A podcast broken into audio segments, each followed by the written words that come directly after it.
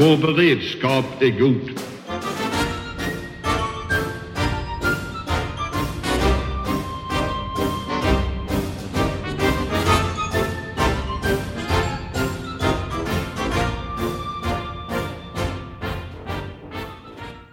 Hej och välkomna till Höjd beredskap, en podd från Aftonbladet Ledare. Och vi sitter här och spelar in just nu eh, på morgonen Eh, på torsdagen så att, eh, så att valet, amerikanska presidentvalet var för två dagar sedan eller förra natten. Och än så länge så finns det ju ingen presidentvald. Eh, läget just nu är att rösträkningen ser ut som att Joe Biden kommer att vinna. Eh, I de vågmästardelstater som finns kvar så räknar man just nu förtidsrösterna och bland dem så har Joe Biden en väldigt hög andel vilket innebär att sannolikt så kommer han kanske under dagen, kanske fredag att bli eh, utsedd till president elect eh, av de olika nätverken i USA, de olika TV, tv-nätverken. Och sen kommer ju successivt rösterna att eh, på olika sätt då certifieras Eh, och sedermera skickas in och eh, man kommer att ha ett elektorsval eh, där han utses. Och oavsett vad Trump tycker om saken så kommer i början av januari eh, Joe Biden att sväras in som ny president. Men vägen dit är lång och eh, kantad av domstolsprocesser och annat sannolikt. Eh, Donald Trumps kampanj har redan utropat sig till segrare. Jag tror det var Katarina Tratsch på Frivärd som jämförde honom med en kuppledare. Och det tror jag är en ganska bra jämförelse. Dock verkar det som när man tittar på det som att det är en kuppledare som i allt väsentligt saknar sin armé. Därför att Fox News gick, köpte inte det här och, och det verkar inte som att mer än ett antal demonstranter här och var köper att rösträkningen ska stoppas. Så sannolikt så har Joe Biden valts till USAs president, även om allting inte är färdigt. Vi som ska diskutera detta idag i höjd beredskap är jag, Anders Lindberg. Det är Johan. Hej. Johan Viktorin. Det är Patrik Oksanen. Hej hej! Tankesmedjan Fri Värld ska väl tillägga också. Så att ni vet, ja. vet att det var min chef som, som Anders Lindberg citerade där i, i början. Precis, och Amanda Wåhlstad. Som är representerar Svensk Tidskrift. Ja, och eh, vi, vi eh, väl, liksom, ja, det är svårt att liksom, vad ska man ha för fråga här liksom, men bara hur känner ni utifrån de här dagarna? Ni har väl precis som jag följt rösträkningen helt slaviskt liksom. Eh, ska vi börja med Johan? Jag tänkte på, koppla på det du sa om att han inte hade någon armé och det har han ju inte i den meningen att eh, institutionerna eh, verkar ju hålla, det som många är väldigt oroliga för.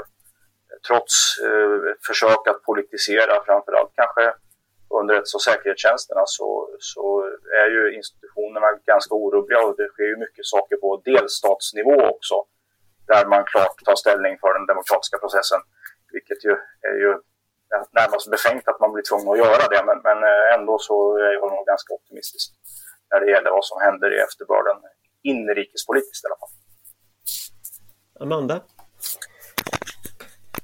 Jo, men det är ju naturligtvis...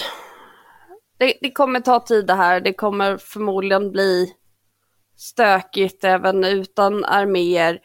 Eh, just nu är det naturligtvis en väldig lättnad att Biden ser ut att ta hem det, inte minst ur uh, vårt säkerhetspolitiska perspektiv, uh, ur det europeiska perspektivet. Uh, jag som NATO-vän är ju det här på många sätt räddningen för, för det samarbetet. Sen ska vi också säga att det är ju fortfarande fruktansvärt jämnt, eh, inte bara i presidentracet utan även i de båda till de båda parlamentariska församlingarna där Washington Post just nu har en minimal övervikt för Republikanerna i senaten och i princip dött lopp eh, prognostiserat för kongressen. Eh, och det är ju också, det beror ju på vem som nu blir vald till president, förmodligen troligen Biden. Blir det republikansk majoritet i, i båda husen så kommer han ju ha svårt att genomföra så mycket ändå. Uh, och med tanke på det backdelningssystem som råder i USA så är ju det också någonting att, att hålla koll på. där den ideala lösningen kanske hade varit uh, en så kallad split majority, det vill säga att Demokraterna tar kongressen och uh, Republikanerna senaten. Eh, men i går morse såg det ut som Republikanerna skulle ta hem alla tre. Och med tanke på Republikanernas hälsa just nu så hade det kanske inte varit speciellt lämpligt ur ett europeiskt perspektiv. Så det är väl en lättnad att det ser ut att gå åt ett annat håll om än med mycket knapp marginal.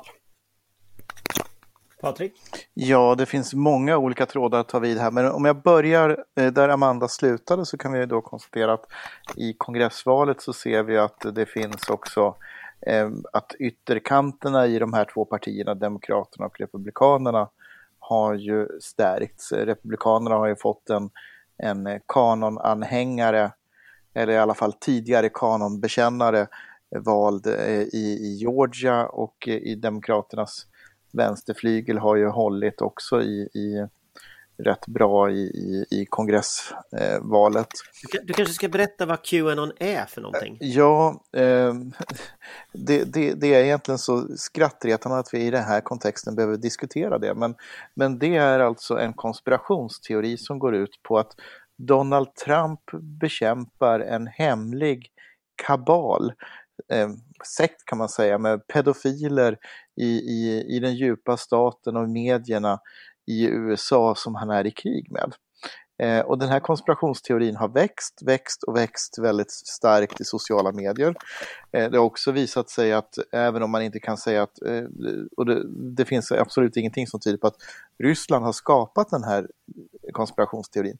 Däremot så kan man säga då att Ryssland i ett tidigt skede har sett till att amplifiera, förstärka den här konspirationsteorin så att den har nått ut till fler och fått fart. Man har stått med en blåsbälg helt enkelt och fått elden och glöden att, att sprida sig och ta fart.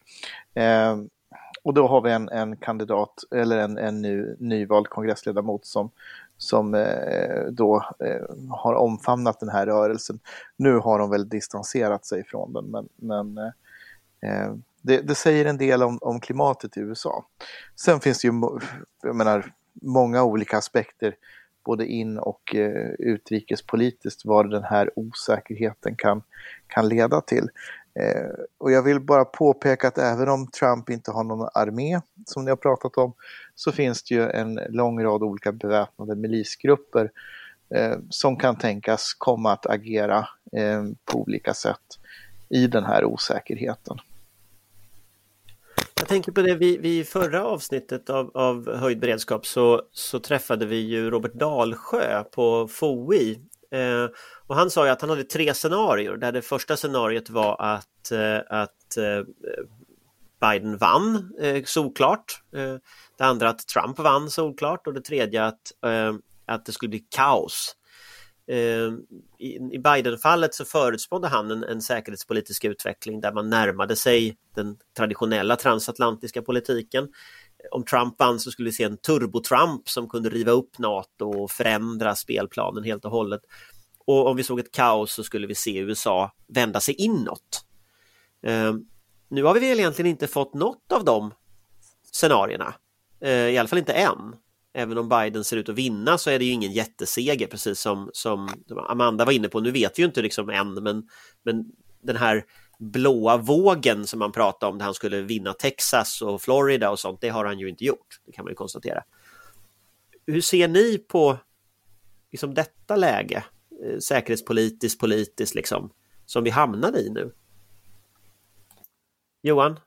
Jag tänker att eh, en del, jag tycker nästan att det är lite grann mot eh, del 1 i alla fall. Det är inga våldsamma eruptioner än så länge i alla fall i USA. Som jag sa så kommer nog institutionerna, enligt min bedömning i alla fall, hålla streck för det här. USA har ju sett betydligt värre saker 50 år tillbaka i tiden så att säga än den situationen som är nu. Vi får inte glömma bort att vi lever liksom i en sån amplifieringstid där eh, helt plötsligt så kan minsta lilla grej bli, eh, få globala, Eh, global attention. Eller, ja. Men det, det jag tänkte säga var att, eh, att eh, mycket hänger ju på inrikespolitiskt vilken ton som Biden anslår också.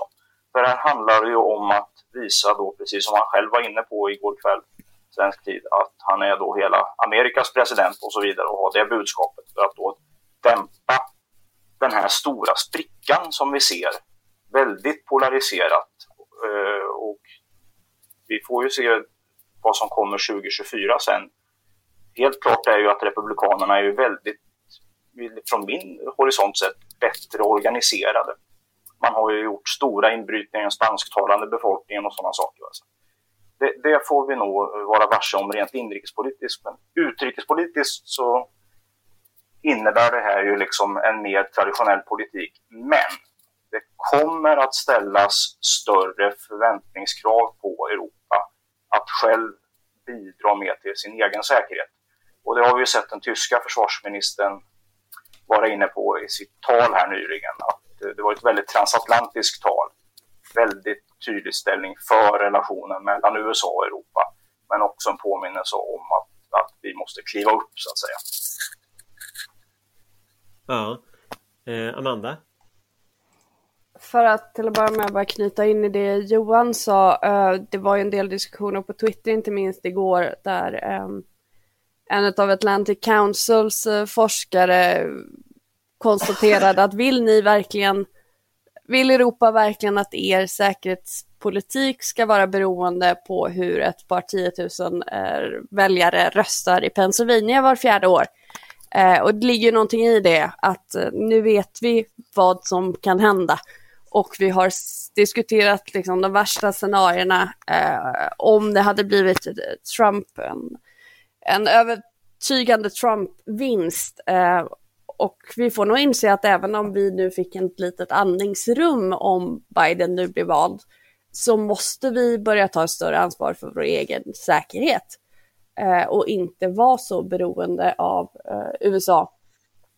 Sen så ska vi också vara medvetna om att det här är ju, även om det ser ut var det landar i presidentvalet så är det ju långt ifrån klart och det finns ju en risk, möjlighet, chans att detta kommer processas eh, juridiskt i vissa delstater. Det har varit tajt, det har ju varit väldigt mycket diskussioner om eh, framförallt vilka eh, absentee ballot som ska räknas, vilka som eventuellt har kommit bort. Eh, och det kan ju i sig, så jag tror det är lite farligt att kalla faran över vad det gäller social oro i USA.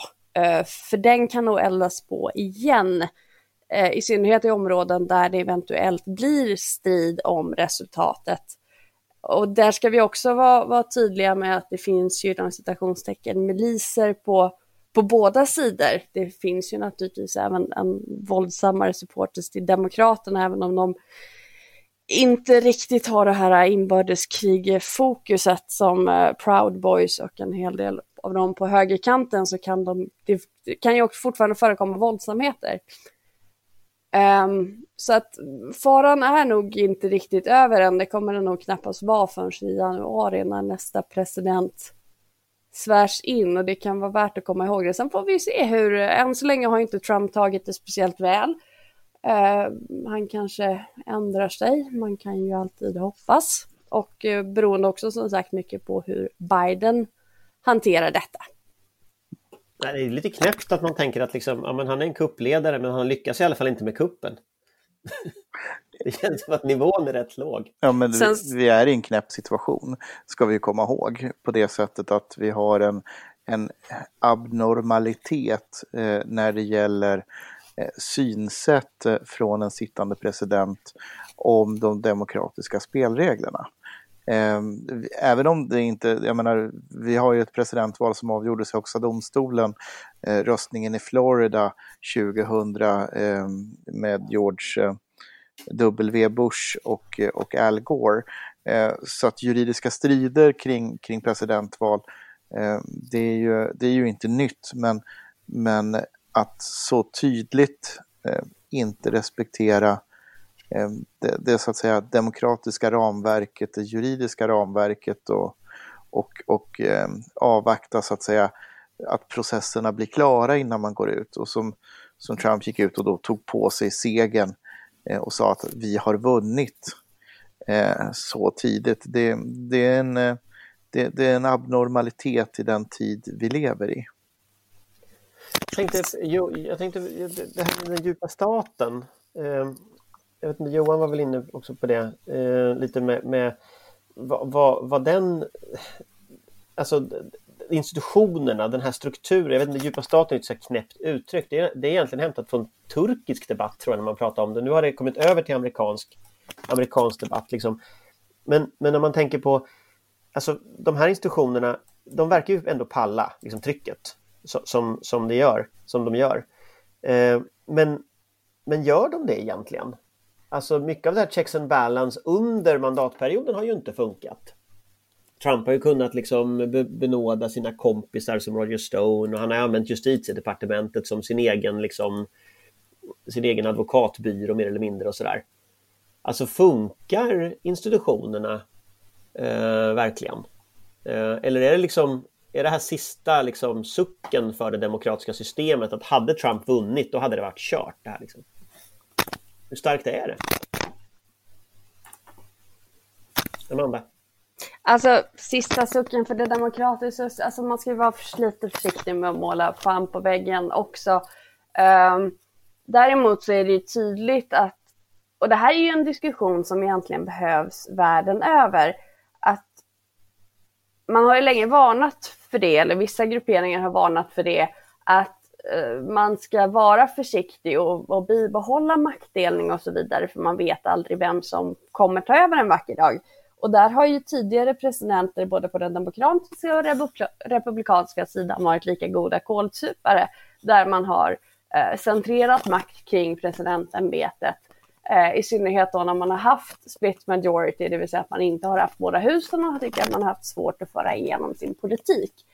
Eh, och nu ser vi ju att det kanske inte är så jättebra när det kommer någon eh, till, eh, till makten som inte inte är rädd för att utnyttja det där eh, till fullo. Eh, så att eh, men det kommer ju behövas förändringar och det är ju inte bara i USA det kommer behövas förändringar. Och en del av checks and balances kommer väl behöva stabiliseras eh, ganska tydligt och det kanske Republikanerna också blir intresser mer intresserade av nu när de eventuellt tappar makten.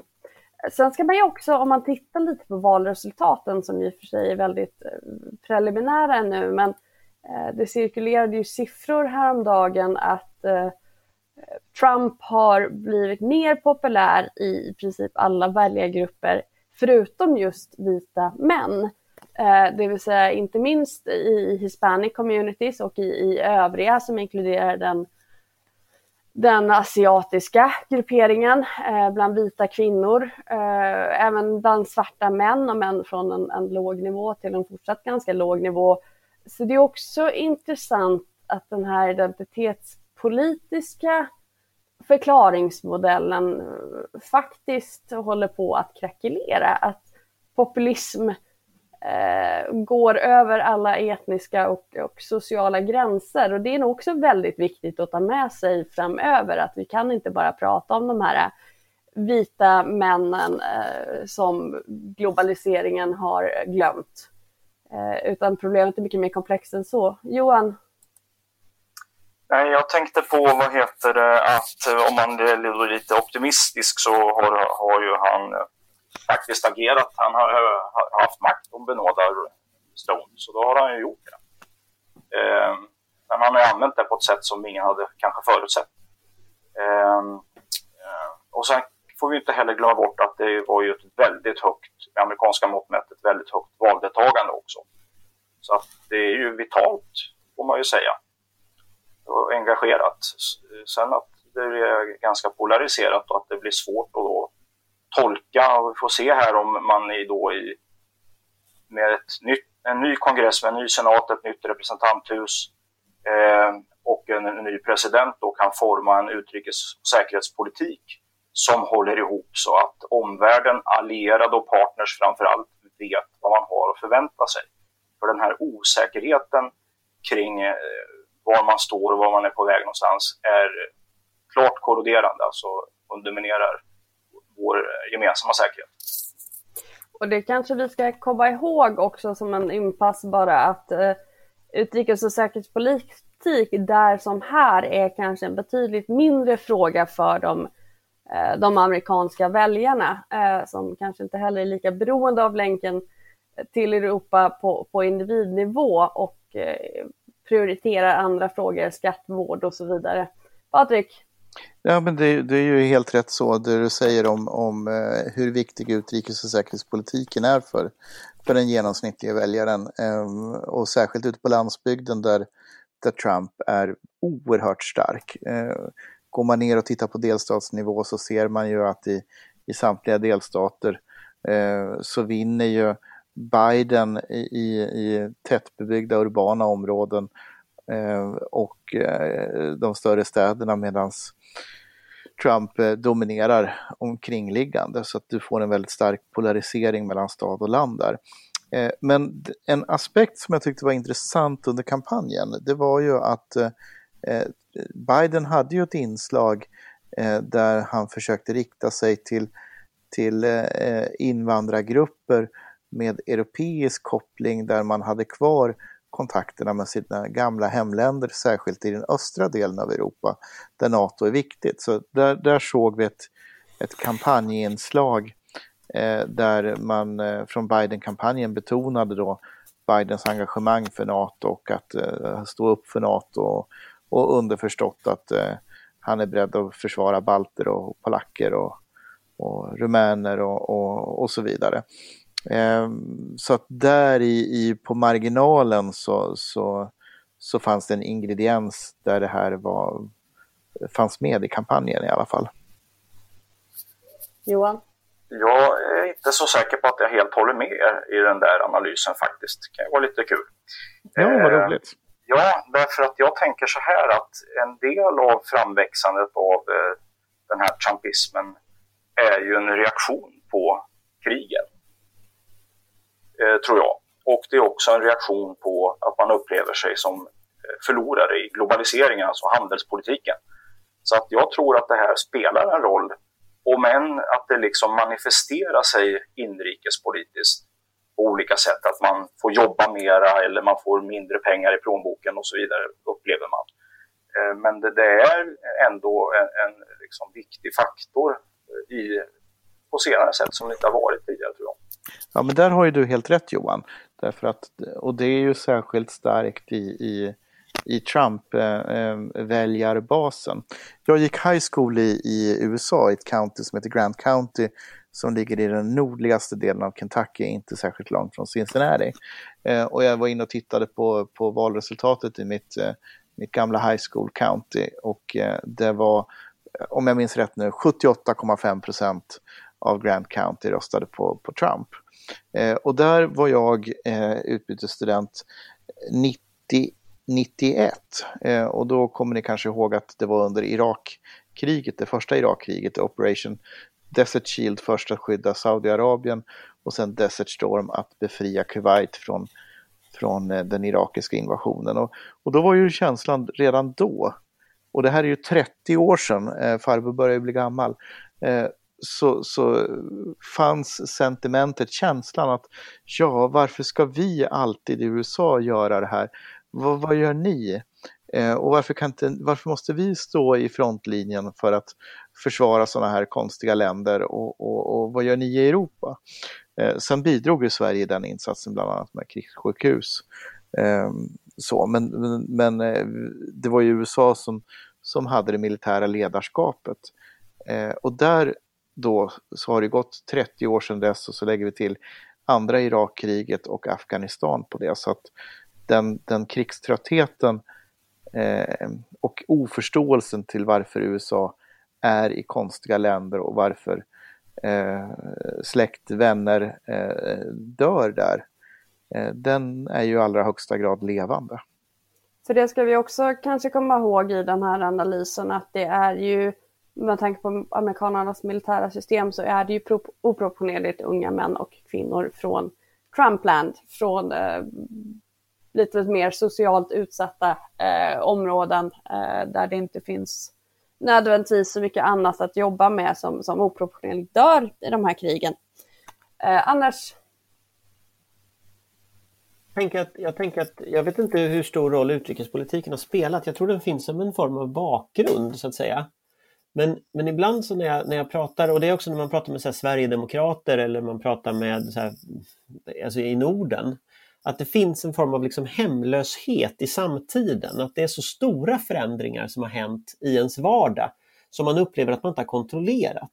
Om jag ska säga, komplettera det ni säger från ett liksom mer vänsterperspektiv så, så, så ser vi ju väldigt tydligt att så den nyliberala förändringen och sönder, att man har slagit sönder så mycket av liksom det gamla, den gamla strukturerna.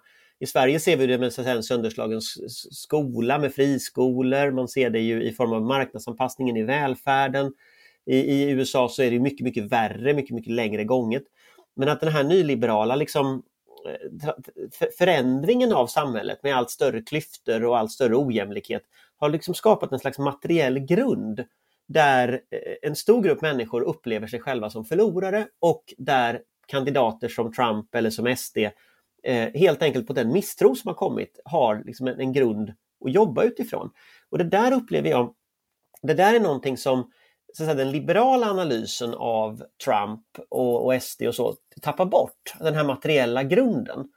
Eh, och jag tänker att om Biden ska lyckas lösa det här, då kommer han att behöva minska ojämlikheterna. Eh, och han behöver nog sno en del av den politik Trump faktiskt argumenterade för i förra valet. Trump hade en sån här line som han sa att de glömda männen och kvinnorna i vårt land ska inte vara glömda längre. Och jag tror att det där är någonting som även Biden måste fånga upp, eh, den stämningen och liksom vinna de här människorna. Och jag tror att när vi pratar om SD i Sverige till exempel, jag tror att det är samma grunddynamik så att säga som, som, som krävs. Eh, och det, det måste, måste ha med den liksom, aspekten också. Och, och lägg då på det de här kriserna vi har haft under 2000-talet. Liksom finanskrisen som ju också påverkar USA väldigt dramatiskt. Vi har flyktingkrisen i Europa vilket påverkade oss väldigt dramatiskt här. Eh, men, men också så här stämningen, bilden av migranter och flyktingpolitik också i USA. Att det är en fråga som finns. Och liksom de här kriserna kan man liksom inte komma, komma runt på något sätt. De finns där hela tiden. Eh, och jag tror att, koppla det här till eh, liksom, vad kan vi förvänta oss av amerikansk utrikes och säkerhetspolitik vid en Biden-seger. Jag utgår nu i mitt resonemang från det. Att även även om man då har en vilja så finns det kanske inte det stödet. Det här med humanitära interventioner och liknande saker. Så sannolikheten för att man ska genomföra någonting sånt de närmaste 5-10 åren måste ju anses vara ganska låg. Alltså inget Libyen, ingenting sånt. Och det har ju då den konsekvensen att, att aktörer, stater kan känna sig ha fortfarande lite spelrum även under en Biden-administration Därför det kommer inte vara så lätt att ingripa om inte då kärnintressen för USA är hotade som exempelvis NATO-sammanhållningen och liknande. Men i, utanför detta, och det är ju Europas periferi, och där kommer vi bli tvungna att bära ett större ansvar. Patrik? Och det är ju som så att eh, ska vi då försöka lämna eh, eh, risken att hamna i inrikespolitiska gräl i den här podden, vilket vi inte ska göra, så, så drar jag vidare på det som Johan säger och, och lämnar en del av det Anders säger. En del av det Inrikespolitiska gräl är aldrig att förakta. Nej, nej. En del av det som Anders säger, det, det, kan jag också hålla med om när det gäller liksom att, att se se grupper som, som eh, inte har hängt med eller, eller kommit med i, i förändringen. Men om vi håller oss utrikes säkerhetspolitiskt så skulle jag säga så här att eh, om nu Biden blir vald så, så är det så att säga den regelbaserade västs eh, eh, eh sista chans att, att eh, få ordning eh, på saker och ting och en bättre balans. Det som skiljer USA idag eh, jämfört med, med tidigare. Det är dels en, en minskad relativ andel av världsekonomin, eh, alltså minskade ekonomiska muskler och en, en, eh, en, som ni har uttryckt, en större trötthet på hemmaplan. Det här gör då att om den regelbaserade västliga ordningen ska hålla, den, det grundfundament som vi la efter andra världskriget där USA har varit helt instrumentellt ledande, drivande, som tar sin början i Atlantdeklarationen mellan Churchill och Roosevelt. Eh, och då ledde till FN, NATO, Världsbanken, eh, och eh, man ska ju komma ihåg att USA har ju varit med och hållit ihop grundfundamentet för det som är idag EU och så vidare och så vidare. Då måste, precis som Johan säger, ehm, de andra västliga länderna vara beredd att kliva in och ta ett större ansvar eh, tillsammans med USA i en lång rad olika områden eh, och ta en mycket större börda när det gäller de praktiska insatserna, både humanitärt och militärt. Och det här kommer att ställa stora krav på, på utvecklingen då på att bygga förmåga att agera militärt. Eh, så att eh, risken är dock att nu andas alla ut, ja ah, vad skönt, eh, Biden blir vald om han nu blir det. Eh, då, då, då kan vi slappna av. Eh, och det tror jag är en helt felaktig bedömning. Inte minst i ljuset av, inte minst i ljuset av eh, Bidens eh, så att säga, linjedeklaration här i början av året. Jag vet inte om ni har läst den, men eh, alltså motståndet mot Kina kommer ju att öka med Biden vid, vid, vid rodret. Det finns ju starka krafter i, i bägge politiska lägren i USA för en sån politik. Så att där kommer vi nog få se stora förändringar. Eh, och då har vi ju återigen så att säga, e- även om det är ett multilat en multilateral värld vi ser framför oss, så kommer det ju ändå vara dominerat av två stora makter de närmaste decennierna i alla fall, innan Indien är fatt. Ja, hårdraget så kan det ju vara så här att eh, eh, vad är europeiska länder beredda att göra att bidra till exempel till att skydda Taiwan tillsammans med USA? Om vi ska liksom ta det till hård militär materia. Eh, Får jag bryta in där Anders? För att eh, jag såg faktiskt här några små eh, saker med att tyska flottan skickar officerare till eh, australiensiska flottan för att vara med när de patrullerar i Stilla havet och sådana saker. Det är en väldigt intressant utveckling. Mm. Precis i linje med, med, med det, just den, den bredare europeiska engagemanget som behövs. De har ju en poäng i att eh, Europa faktiskt både är gamla nog och eh, rika nog att ta hand om sig själva. Och jag tror det är jätteviktigt att vi ser just det här som ett andrum snarare än någon slags skift tillbaka från Trumps värld. Eh, därför att oavsett vad som sker både de närmsta fyra åren men kanske än mer de kommande efter det så kommer fokus inte primärt vara på vad som sker i Europa för USA. Och som sagt, kanske rimligt så. Vi borde ju vid det här laget ha upparbetat en egen förmåga och kanske framförallt en, en egen vilja att eh, själva ta hand om vår, vår bakgård och våra grannar och inte enbart lita på att amerikanerna ska komma och eh, bila ut oss när det krisar. Vilket i sin tur får konsekvenser då för svensk försvarspolitik de kommande åren och nästa försvarsbeslut. Inte det som ska tas strax utan det som kommer då 2025 eller något liknande. Eh, för att då är det inte säkert att, precis som du säger Amanda, att vi har eh, ett så att säga, återställt läge, det kommer vi inte återgå till. Det finns inte längre det som fanns före 2016, det finns inte kvar. Och där är, kan vi då bara lägga till att den första avstämningen, det kom ju med den här 2023-konstruktionen i, i den här försvarsbeslutet. Därför att vi har ju en regering som inte ville skjuta till alla pengar här och nu eh, för de saker som det här försvarsbeslutet vill göra eh, under framförallt då nästa försvarsbeslutsperiod 25-30. Det blir liksom en överlappning i beslutsprocesserna där. Eh, så att det kommer ju då dyka upp eh, en avstämning 2023 och det finns ju möjligheter då att förutom att lägga till de planerade pengarna då att addera saker snabbt i väntan på nästa försvarsbeslut ifall det finns en politisk insikt och ett politiskt mod att göra det här. Och det skulle jag säga då att det behöver vi nog göra.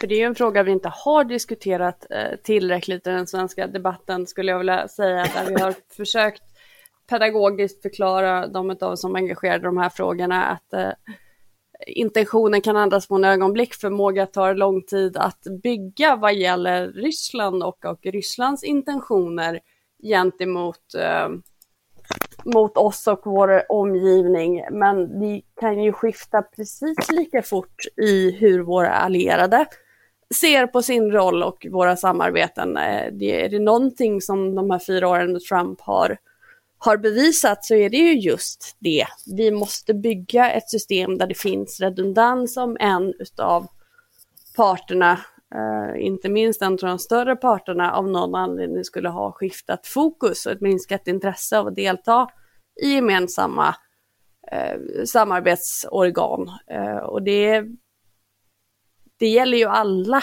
nivåer, både bilaterala och multilaterala.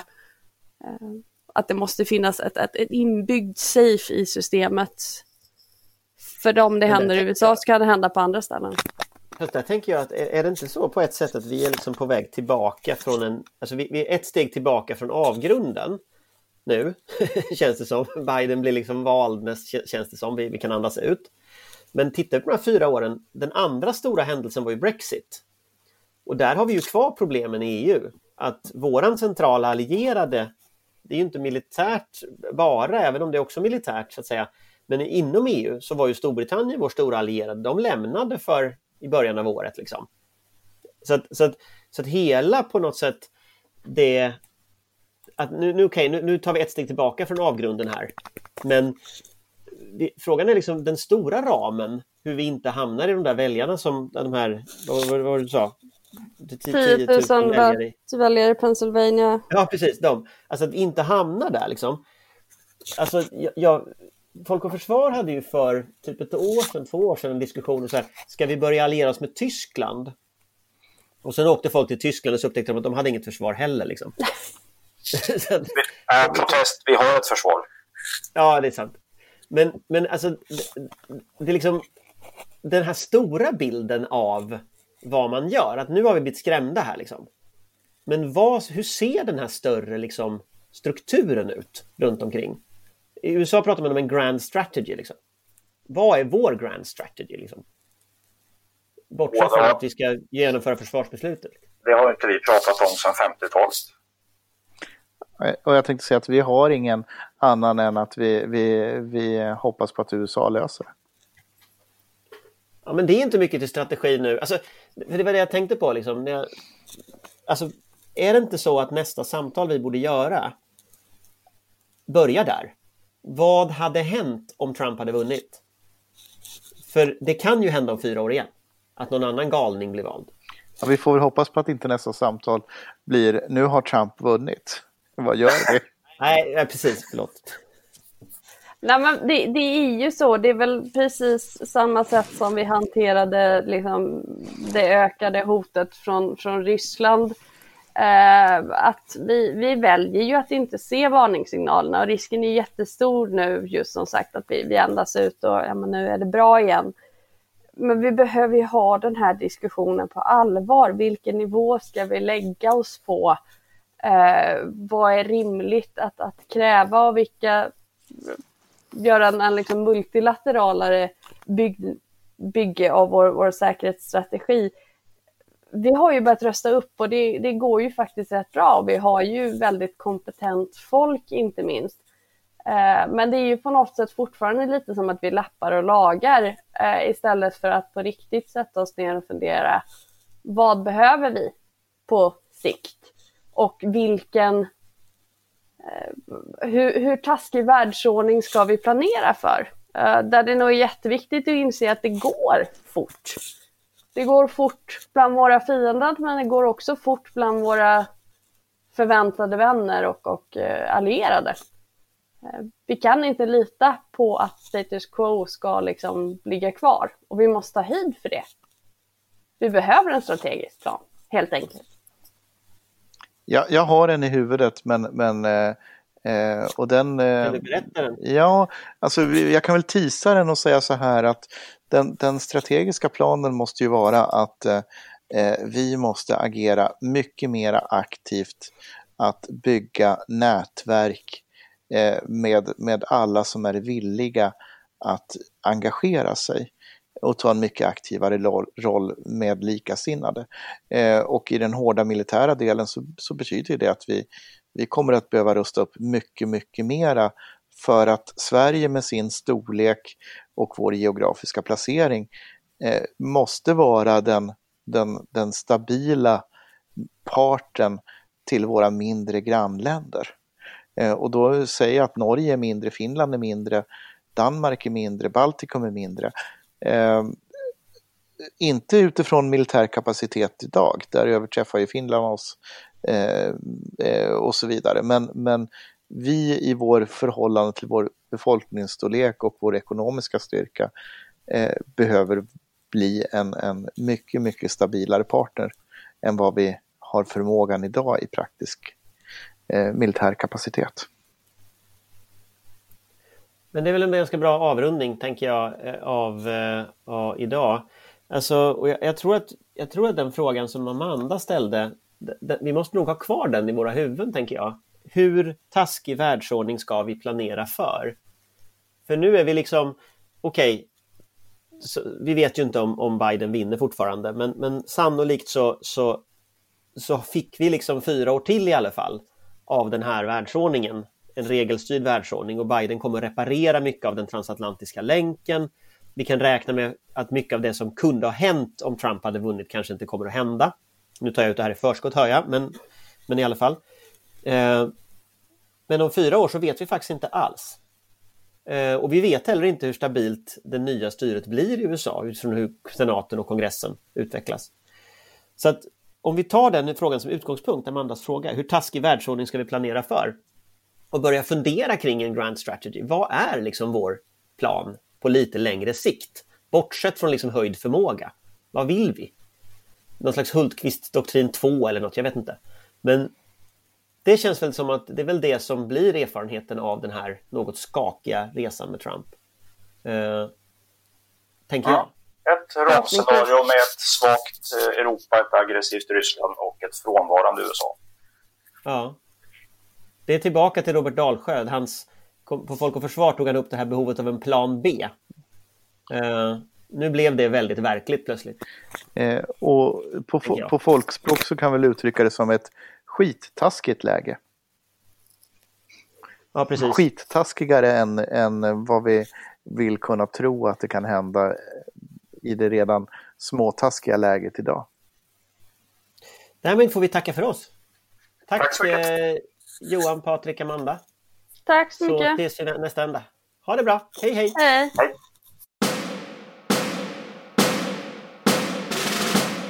Vår beredskap är god.